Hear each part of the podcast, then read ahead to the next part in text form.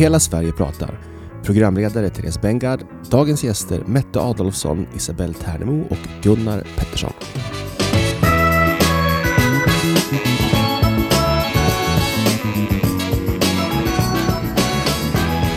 Eh, hej Mette, Gunnar och Isabelle och välkommen till Hela Sverige pratar. När vi spelar in den här podden så har vi haft pandemi de senaste två åren. Och innan dess har det varit både skogsbränder och stormar som har påverkat lokalsamhällen. Och nyss så bröt det ut ett krig i Europa. Jag tyckte därför att det var angeläget att prata just om krisberedskap även i den här podden. Både om landsbygdens roll i kriser, men också lite kanske positiva delar om just när man förbereder sig och jobbar kring eh, kris och krisberedskap så kan det också leda till att man bidrar till att man bygger ett hållbart samhälle på lång sikt. Med mig idag så har jag tre personer som har tänkt och jobbat med de här frågorna under en lång tid. Eh, och jag tänkte att vi måste ju börja då med en kort presentation så poddlyssnarna får veta vem är det som vi har med oss här idag. Så att eh, innan vi tar oss an dagens ämne så tänker jag säga Gunnar, hej och välkommen till podden. Och vem, vem är du och vad representerar du? Hej, hej. Jag eh, är ordförande i Hela Sverige Kronoberg. Det betyder att vi eh, sitter i Växjö, eller jag sitter i Växjö och eh, ibland så är jag också så ute på landsbygden i min 200 år gamla trätimmerkåk och eh, där brukar jag försöka fundera lite över krisberedskapsfrågorna. Därför där ser man precis hur man levde för 200 år sedan. Då hade man ju ingen elektricitet. Man hade sin jordkällare. Det var viktigt man hade sin sju meter grävda brunn som man kunde pumpa upp vatten ifrån. Så vidare. Och så hade man såklart sin vedspis. Man kunde laga mat i köket. Så, och eh, jag eh, har flyttat hem ifrån Skåne. Jag var tidigare ordförande i vår lokala utvecklingsgrupp i Flyinge som ligger strax utanför Lund. Och där startade vi också ett av Sveriges första bygdebolag år 2006. Då hade vi också ganska mycket kontakter med Hela Sverige ska leva. Verksamhetsledaren på den tiden hette Staffan Bond. Mm, härligt. Eh, du har en, en lång erfarenhet av, av de här frågorna med andra ord. Eh, vi har ju också Isabelle med oss. Eh, välkommen till podden. Eh, vem, vem är du? Ja, tack så mycket. Ja, men precis som Gunnar så är jag också ordförande i Hela Sverige Kronoberg. Eh, och just idag så sitter jag hemma i mitt eh, hus från 1924 ute i Dädesjö på landsbygden. Dit vi flyttade för fem år sedan. Eh, jag är ursprungligen från eh, Vittsjö i Skåne och min sambo är från Jämtland, men vi hamnade utanför Växjö. Inte riktigt i mitten, men... Nej. lite mer. Mm. Eh, toppen, välkommen Isabelle. Och sen har vi också Mette med oss. Eh, vem är du och vad gör du? Eller det är kanske är lättare att du svarar på vad du inte gör. Tack ska du ha Therese. Ja, du, Ja, eh, om vi börjar med ursprunget så är jag faktiskt från Danmark. Jag är född i Köpenhamn men har eh, delvis växt upp i Småland och har bott här eh, permanent sedan jag ja, var 18 år och bor mitt ute i skogen. Eh, jag jobbar eh, eh, för bygdeutveckling och är VD för ett bygdebolag som heter Hallundabygden och jobbar utöver det också som projektledare och har drivit ett spännande projekt som jag kanske kan få berätta lite om sedan. Absolut, det ska du definitivt få göra. Välkomna allihopa. Eh, vi har ju som sagt valt att ta upp ämnet idag om krisberedskap och ni har ju engagerat er i det här området allihopa på lite olika sätt. Eh, men varför skulle ni säga att det är just viktigt med krisberedskap? Gunnar, har du någon uppfattning om varför det är viktigt? Vi, vi fick ju en liten broschyr från MSB om kriget, eller krisen kommer. Och det riktar sig till var och en. Men jag tycker ju att eh, landsbygden är väldigt duktiga på att gå samman och ställa upp för varandra. Och det har ju, vi har ju över 5 000 medlemsföreningar i Sverige, och landsbygden framför allt, som är kopplade till Hela Sverige ska leva. Och då är det ju naturligt att tänka att vi kanske skulle kunna bli bättre i vår krisberedskap om vi gick tillsammans i bygden och vidtog åtgärder av olika slag. Inventerade de resurser som finns och tilliten till krisberedskapen är väldigt viktig och just den här att man ser, man känner sin bygd, man vet vilka som bor där och man förstår vad man har för någonting. Det är lite svårare i typ en stad att förstå det kanske fullt ut men mm. jag tror just den här möjligheten till samvaro och att man gör någonting som även fungerar i fredstid är viktigt. Mm. Mette, ni har ju verkligen eh, fått på något vis känna på hur det är eh, att, att genomgå en kris, om man säger så, bland annat kring stormen Gudrun. Men vad tänker du? Var, varför är det viktigt att just tänka och jobba med krisberedskap? Ja, alltså, eh, stormen Gudrun var ju eh, ett sätt för oss att få erfara vad en kris faktiskt eh, orsakar. Eh, för de som inte eh, bodde i, eh, bland nedslagna träd och var strömlösa en hel månad som, som vi fick erfara, så är det nog svårt att föreställa sig hur övergiven man känner sig eh, när allt är svart och ingen hjälp kommer. Eh, och den kraft som man i bygden, som Gunnar också sa, eh, där finns ju enorma resurser och lokalkännedom och tillit till varandra Eh, det är det som, som eh, gör skillnad. Det är den som, de som gör den akuta insatserna också ser till att, att vi hjälper varandra. Eh, insatserna utifrån kommer långt, långt senare mm. efter det akuta skedet.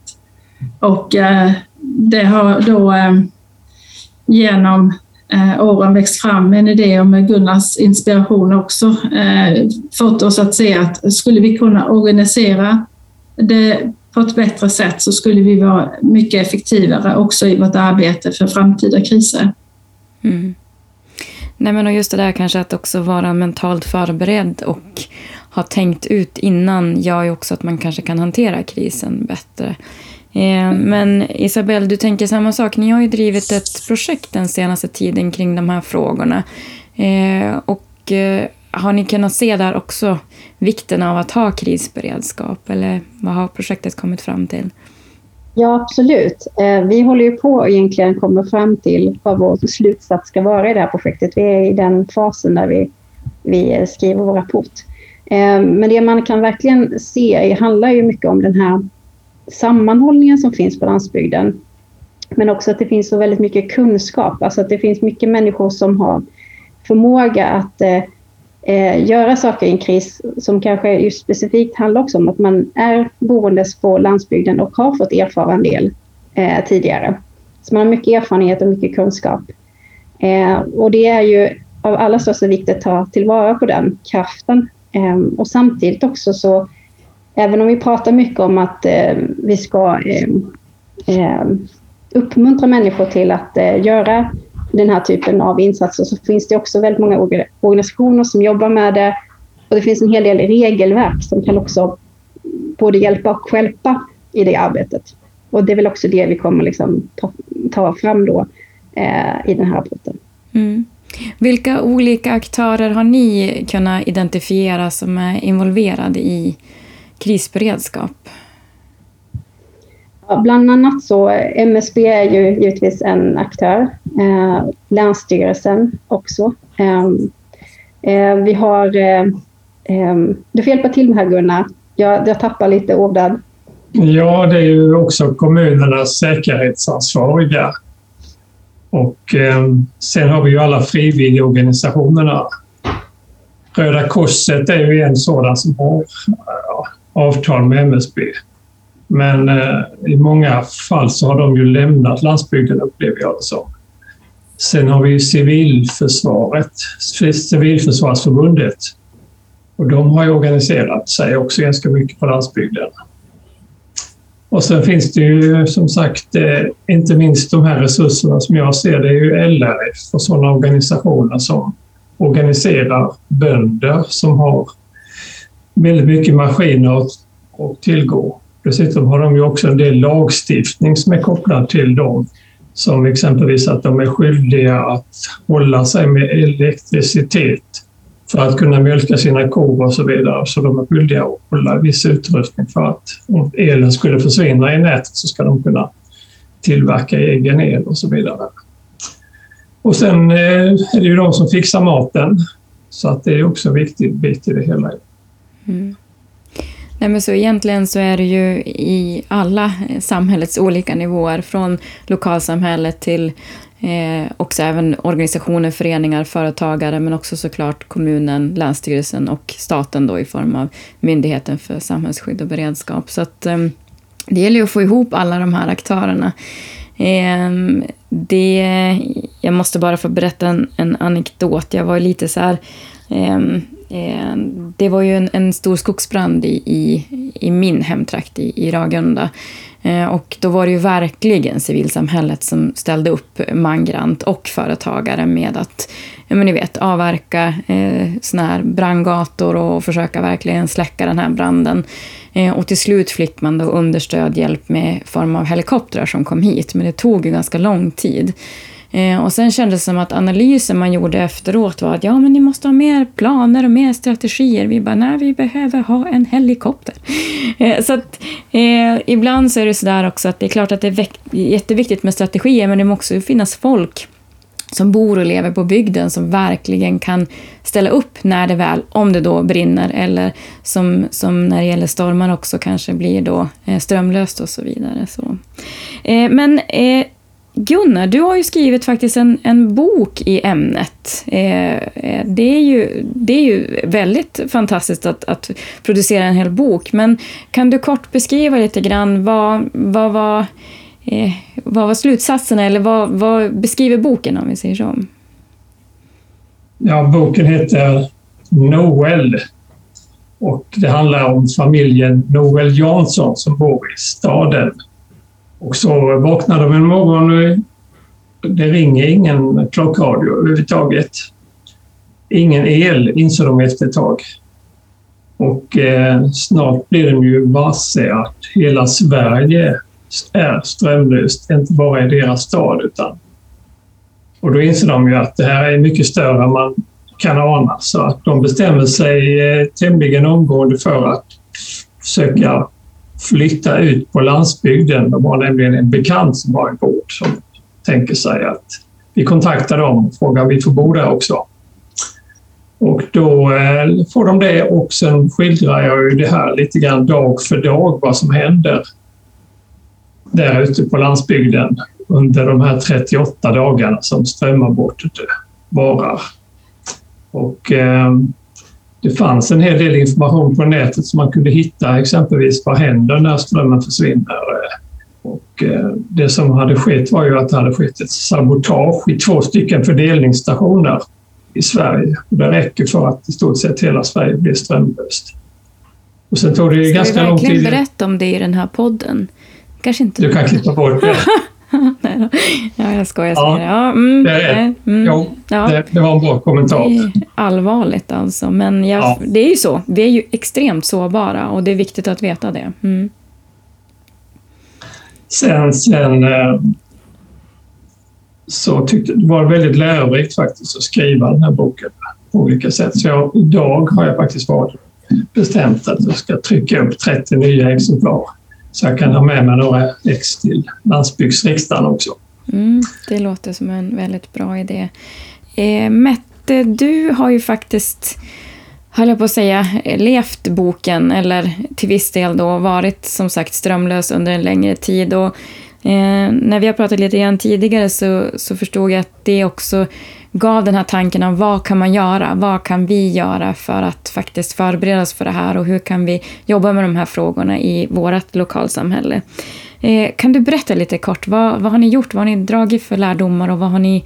Ni har mycket spännande på gång som jag förstår det. Ja, ja vi, vi, har, vi har avverkat ett projekt, ett Vinnova-projekt där vi eh, eh utlysningen hette eh, Omställning i krisens spår. Och i, i det så var vårt mål att vi skulle kunna bygga upp en lokal organisation. För precis som Gunnar säger så finns det ju andra civila eh, organisationer som har uppdrag. De kallas för loka, eh, frivilliga resursgrupper och med dem har kommunerna slutit avtal. Men vi såg ju eh, när vi djupintervjuade de här att det är tyvärr oftast är pappersprodukter. De håller inte verkligheten. Åtminstone inte när strömmen går. Eh, men vi fick ett projekt i alla fall och i det projektet så har vi djupintervjuat ett, ett ganska stort urval av de som bor i, i Hallundabygden.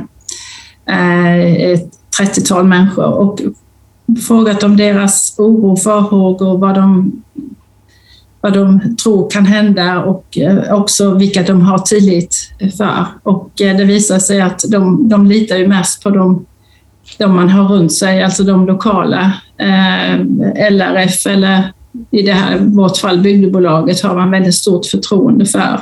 Att händer det någonting så är det där vi får hjälpen. Det är inte utifrån, det är inte av kommunen, länsstyrelse eller Civilförsvarsförbundet eller någon annan utan det är grannen eller det är ja, och så vidare. Så att eh, det vi har gjort är att vi har gjort en, en organisation som eh, helt enkelt en geografisk uppdelning där vi har ambassadörer i områdena eller områdesansvariga som alla känner till och som också känner till alla som bor där, som vet vilka som har eh, maskiner som kan behövas i en kris. Det kan vara en traktor, det kan vara en urintank, det kan vara vilka vägar som går ner till sjön, vilka som har motorsåg och kranar och så vidare.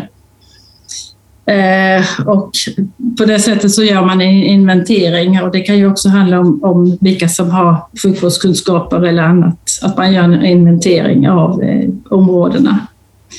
Eh, men slutsatsen, det vi kom fram till i alla fall var ju att en, en bra organisation kan göra väldigt mycket. Men just det som Gunnar också skrivit i sin bok om långvariga strömavbrott, det är den största utmaningen. För hela samhället slås ut om det är ett totalt ström strömavbrott och blir de långvariga så, så får det väldigt långtgående effekter.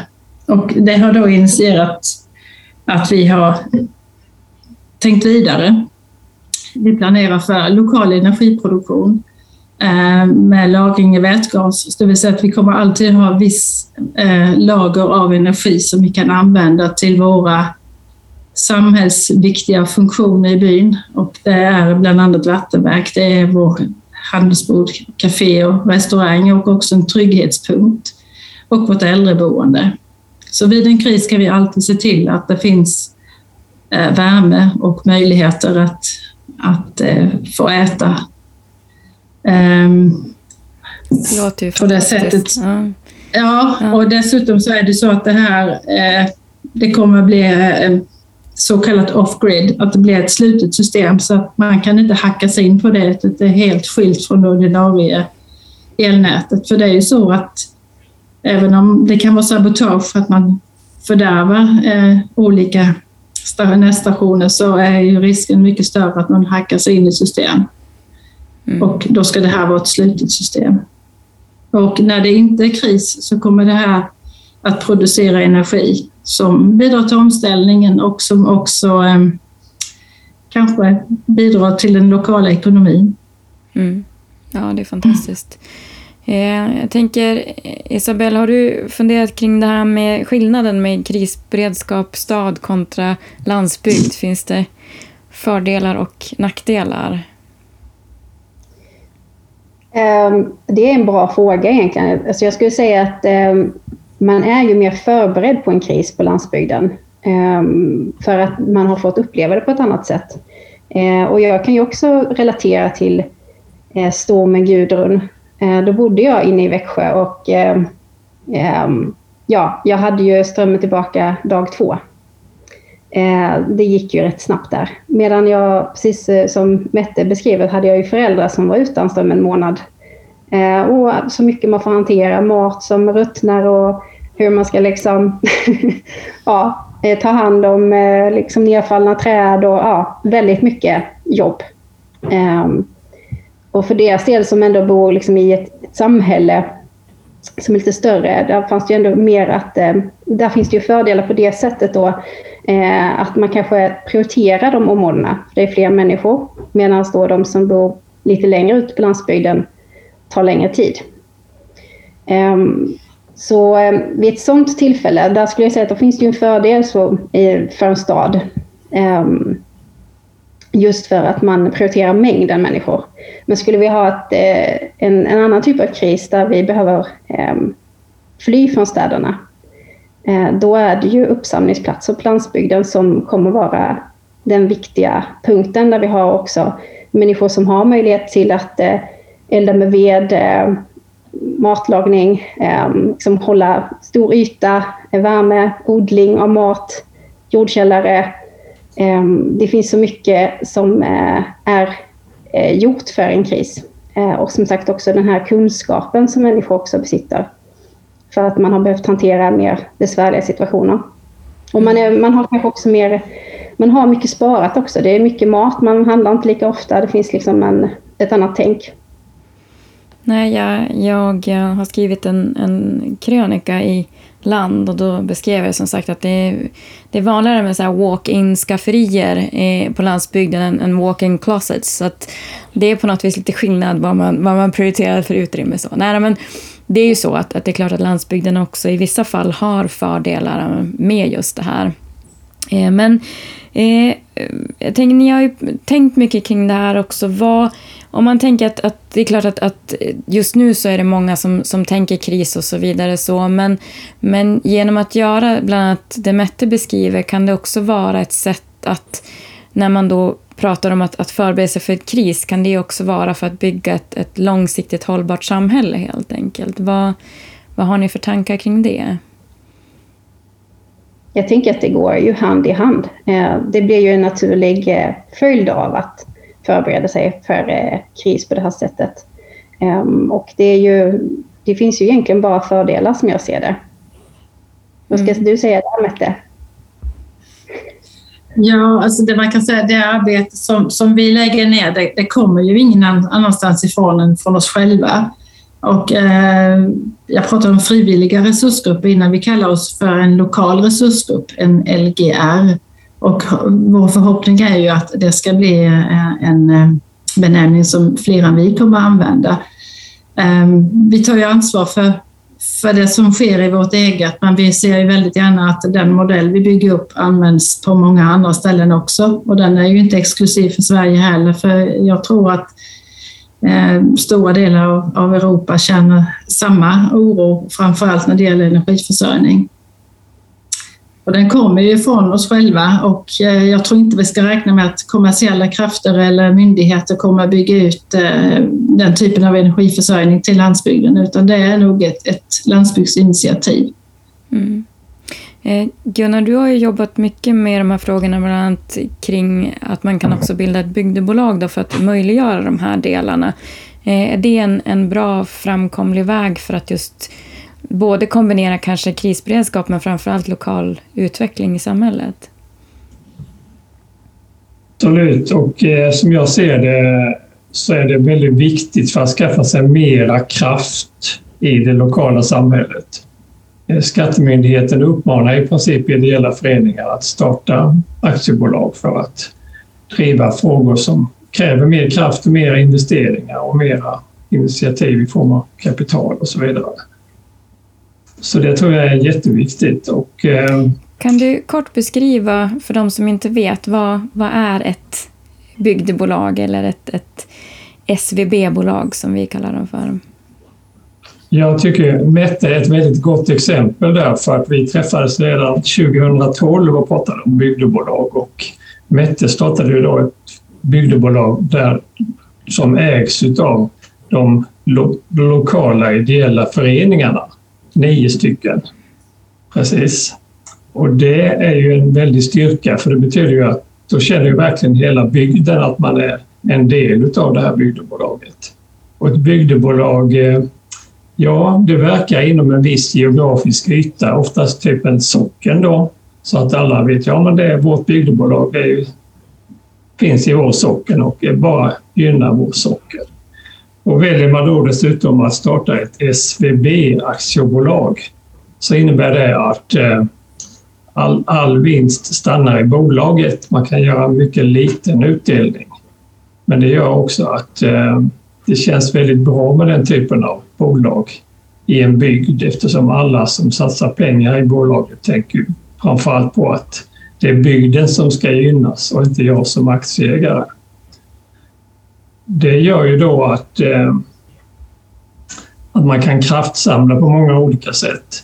Andra företag i bygden ställer gärna upp och hjälper bygdebolaget på med olika saker som de kan göra och man får ju en möjlighet att skaffa mer kapital till de investeringarna som man vill, vill ha. Jag tycker liksom Mette är ju ett stort föredöme i hela Sverige för att kunna klara av att genomföra så mycket investeringar som ni har gjort hos er. Det, och jag tror att bygdebolaget har varit viktigt då i det sammanhanget. Mm. Så jag slår ju ett slag gärna för att eh, vi ska få ytterligare lite bättre fördelar eh, faktiskt om man startar ett SVB-aktiebolag.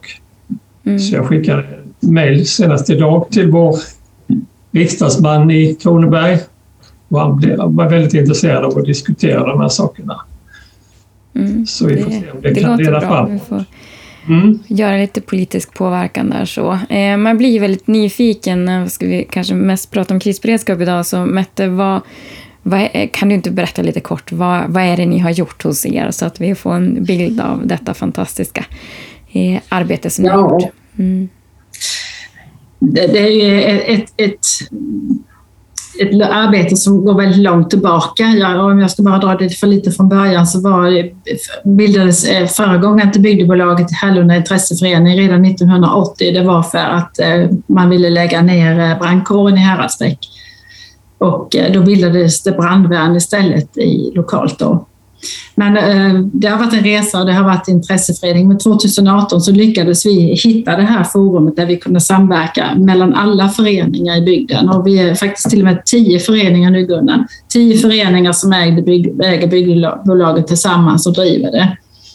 Eh, där finns det en styrelse med representanter i det. Eh, och det, det ger en enorm styrka. Men om jag räknar de senaste åtta åren så har vi kunnat investera ungefär 35 miljoner i eh, olika eh, projekt i bygden. Alltifrån eh, 15 mil eller 13 mil bred, bredband. Alla sa att det går inte att lägga ner någonting hos er för det är så stenigt, men vi lyckades få ner 13 mil fiberkabel i marken och det var ett jättestort projekt och vi var ganska tidiga i det projektet. Vi var redan 2007 började vi och det är väl kanske det som egentligen ligger till grund för en del av det vi jobbar med i krisberedskapen. Dels är det organisationen, där vi också delade upp eh, det i olika områden och jobbade strategiskt. Men framför allt uthålligheten. Att, att eh, saker och ting händer inte över en natt utan man får vara ganska uthållig för det möts ju mycket av det som är nytt möts med skepticism både från eh, kanske folket i byn som inte riktigt tror på att, att eh, det är möjligt, men också från både kommuner och kanske andra eh, offentliga inrättningar att det där känns väl som ni är lite väl tidiga. Och, eh, så det har vi lärt oss att leva med och dessutom har det blivit så att säger någon till mig i alla fall att det där går inte så får det precis en tvärtom effekt. då finns det ännu högre grad att bevisa att det visst går. Men vi har ju det var så jag sa när vi skulle göra den här podden, att det här det kommer inte att gå. Och de bara, jo då. Ja, det har ju gått, eller hur? Ja, eller hur? Ja. ja. Mm. Men så är det. Men vi har ju byggt upp någonting vi kallar för Mötesplats Häradsbäck och det, det, är ju också en väldigt spännande eh, servicepunkt vi har byggt upp där. Vi, har, vi köpte lanthandeln 2002 när den gick i konkurs och jag kan säga att det är ingen dans på rosor att ha en lanthandel på landsbygden för det, det är svårt att få den köptroheten som man behöver för att få lanthandeln att kunna gå runt. Och vi har insett under väldigt många år att vi behöver fler ben att stå på och eh, 2018 så kunde vi inviga Café och restaurang och vi har byggt ut med aktivitetspark och en stor aktivitetshall som Eh, innehåller en massa spännande saker som, som gör att vi breddar eh, vårt utbud. Vi har mycket kopplat till turism också. Och det gör att vi, vi kan ju se väldigt tydligt att det har genererat väldigt många fler besökare. Så att besökare som besöker handelsboden går in i kaféet och äter eller fikar och tvärtom eh, de som kommer dit för att äta fika går i, i, i affären och handlar. Så det, det, har blivit en, en väldigt gynnsam utveckling. Och, eh, jag tror att det är ganska unikt på en liten ort som Häradsbäck storlek, 450 invånare, att kunna erbjuda 15 arbetstillfällen. Alla är dock inte på heltid, men det är ganska många arbetstillfällen vi har och det känns ju jätteroligt att, att kunna faktiskt eh, vara en förebild för andra också. Vi har haft, har väldigt många studiebesök också som, eh, för att hämta inspiration och se att det faktiskt går. Ja, det låter fantastiskt. Jag tänker också att vi kan lägga ut lite länkar och så vidare så att ni som är, är intresserade kan eh, få reda på mer. Eh, för att gå tillbaka lite grann till det här med krisberedskap och så vidare och det vi har pratat om.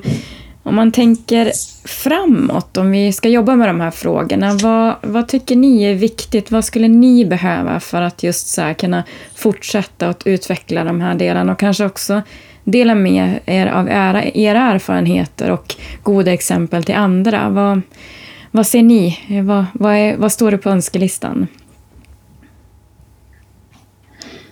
Ska Isabelle börja? Eller, eller Mette börjar? Varsågod. Mm.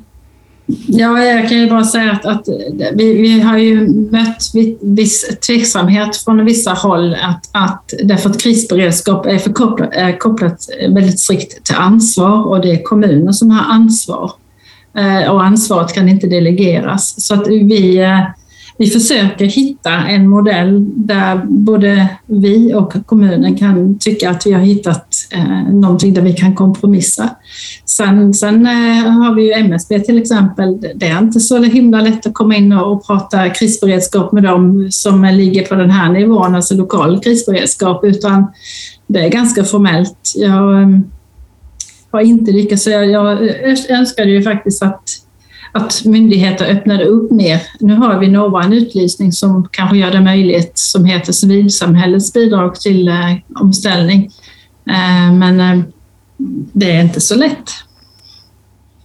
Nej, det är det verkligen inte. Och det, det är som jag säger, i alla kriser så är det ju de som bor i samhället som måste vara med och lösa den. Det, det är ju, spelar ingen roll hur många myndigheter eller kommunala tjänstepersoner man kanske har så, så behövs det ju verkligen att folk som dels har kunskapen om lokalsamhället men också möjligheten att göra det som ska göras faktiskt får göra det. Och då kanske det kan vara bra att vi också får vara med när man ska planera och utforma de här systemen. Så, eh, Gunnar, har du någon lång önskelista också på saker du vill ska hända för att kunna jobba med de här frågorna? Eller jag tycker ju att jag tycker ju att eh, det här är en perfekt uppgift för Hela Sverige ska leva. Man hör ju på namnet vad den föreningen, vad den verksamheten sysslar med. Och krisberedskap vore en väldigt bra uppgift. Så det är ju liksom det jag drömmer om att eh, när jag vid flera olika tillfällen har framfört det här till politiker att erbjud nu landsbygden en krisberedskapsuppgift och enligt modell Mette lokala resursgrupper. Det passar ju perfekt för vår organisation. Så det är väl drömmen helt enkelt att mm. Eh, det skulle bli verklighet. Jag har ju pratat en hel del med MSB och eh, den personen jag hade kontakt med hon, eh, hon tyckte ju att det skulle inte vara några problem att ha LRG och FRG tillsammans. Men eh, det var lite svårare än de trodde för att vi har inte lyckats med det riktigt ännu faktiskt. Så det behövs lite mera påverkan mm. i systemen. Och eh, jag tror också att eh, hela Sverige ska leva på riksnivån kan hjälpa till mycket med den här uppgiften att försöka komma igenom där så att den modellen som Mette har jobbat fram får liksom genomslag över hela landet. Mm. Det är väl min del, dröm. Ja, precis. En del i det kan vara att spela in en podd också och sprida de goda exemplen. Eh. jag vill bara lägga in också mm. det.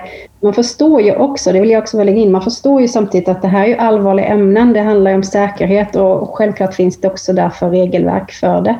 Ehm, men det är väl just det att det inte finns någon brygga. Ehm, och man vill ju ta... Man, självklart vill ju alla ta reda på de här goda exemplen och den kraften som finns. Och just nu blir det ju bara ett stopp där som är så onödigt. Ehm, så det vi vill, när vi kommer liksom till de där stoppen, det, det är då man inser att okej, okay, här är det någonting, här något mitt emellan liksom, fattas det ett glapp. Um, ja, och där tror jag precis som Gunnar att Hela Sverige ska leva skulle kunna vara en superbra brygga över. Mm.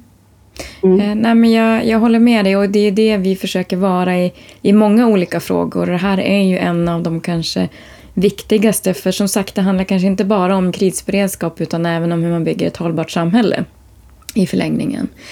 Sen funderar jag på, ska vi byta namn till Hela Sverige ska överleva kanske istället då? Eller? Ja. Nej, den kan bli, den kan bli svårare. Jag, vi får vara optimistiska och säga att hela Sverige ska leva. Eh, jag tycker att det har varit jätteintressant att prata de här frågorna med er och vi skulle också definitivt kunna ha ett till poddavsnitt där vi pratar ännu mer om lokal utveckling och, och bygdebolag och hur man kan göra de delarna. Eh, men nu känns det som att vi har gett ett bra exempel på hur man kan jobba med det här.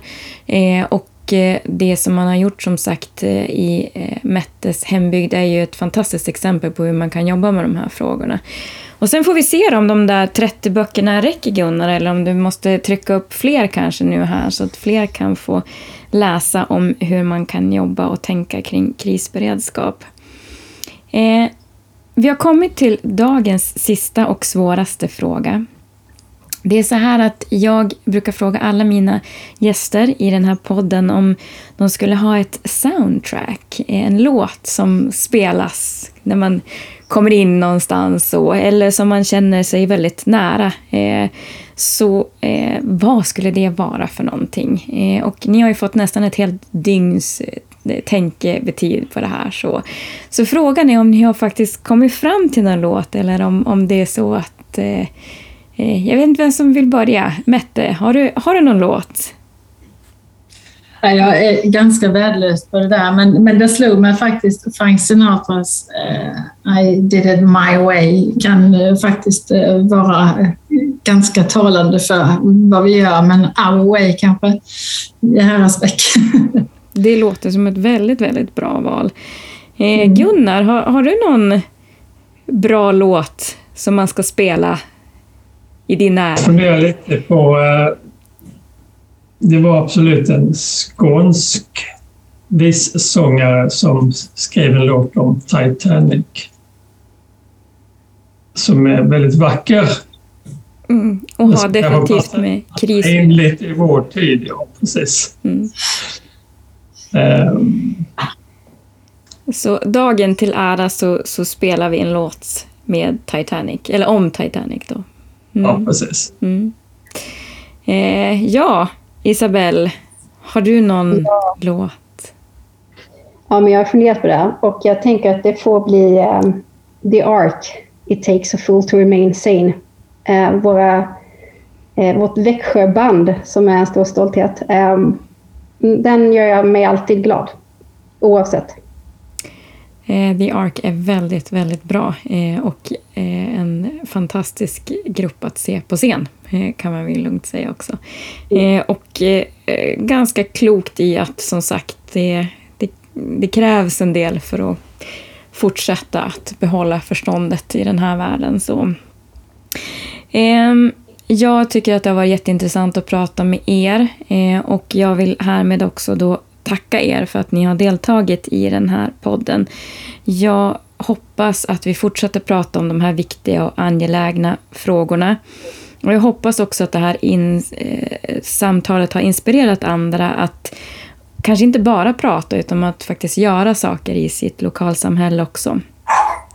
Och eh, vi kommer att lägga ut länkar på vår hemsida. Eh, om ni vill eh, få, inte har kommit ihåg alla namn och alla saker så, så kommer det att Eh, läggas ut länkar och uppgifter som ni kan eh, ta del av om ni vill eh, prata mer med Mette, eh, Gunnar eller Isabelle.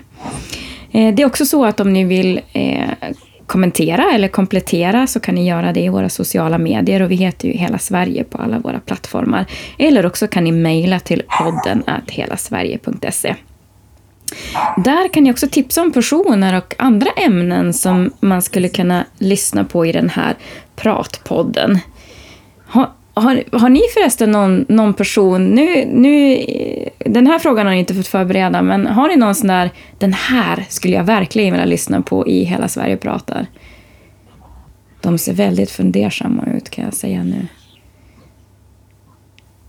Nej. Det fanns ingen sån där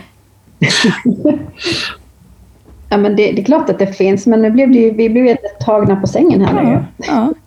Men då tänker jag att ni får mejla in till podden att helasverige.se när ni har kommit på det. så. Eh, jag vill såklart framförallt tacka er för att ni har varit här idag. Och jag hoppas att den här eh, podden eh, och eh, bidrar till ett samtal men framförallt så hoppas jag på såklart bättre tider för världen och att ett framtida medvetenhet om kriser gör att vi tillsammans kan bygga ett hållbart samhälle. För att göra det så behövs det också levande landsbygder i hela Sverige. Jag som programledare den här podden heter Therese Bengar och jag har även förmånen att driva riksorganisationen Hela Sverige ska leva. Och med det säger jag tack och på återhörande.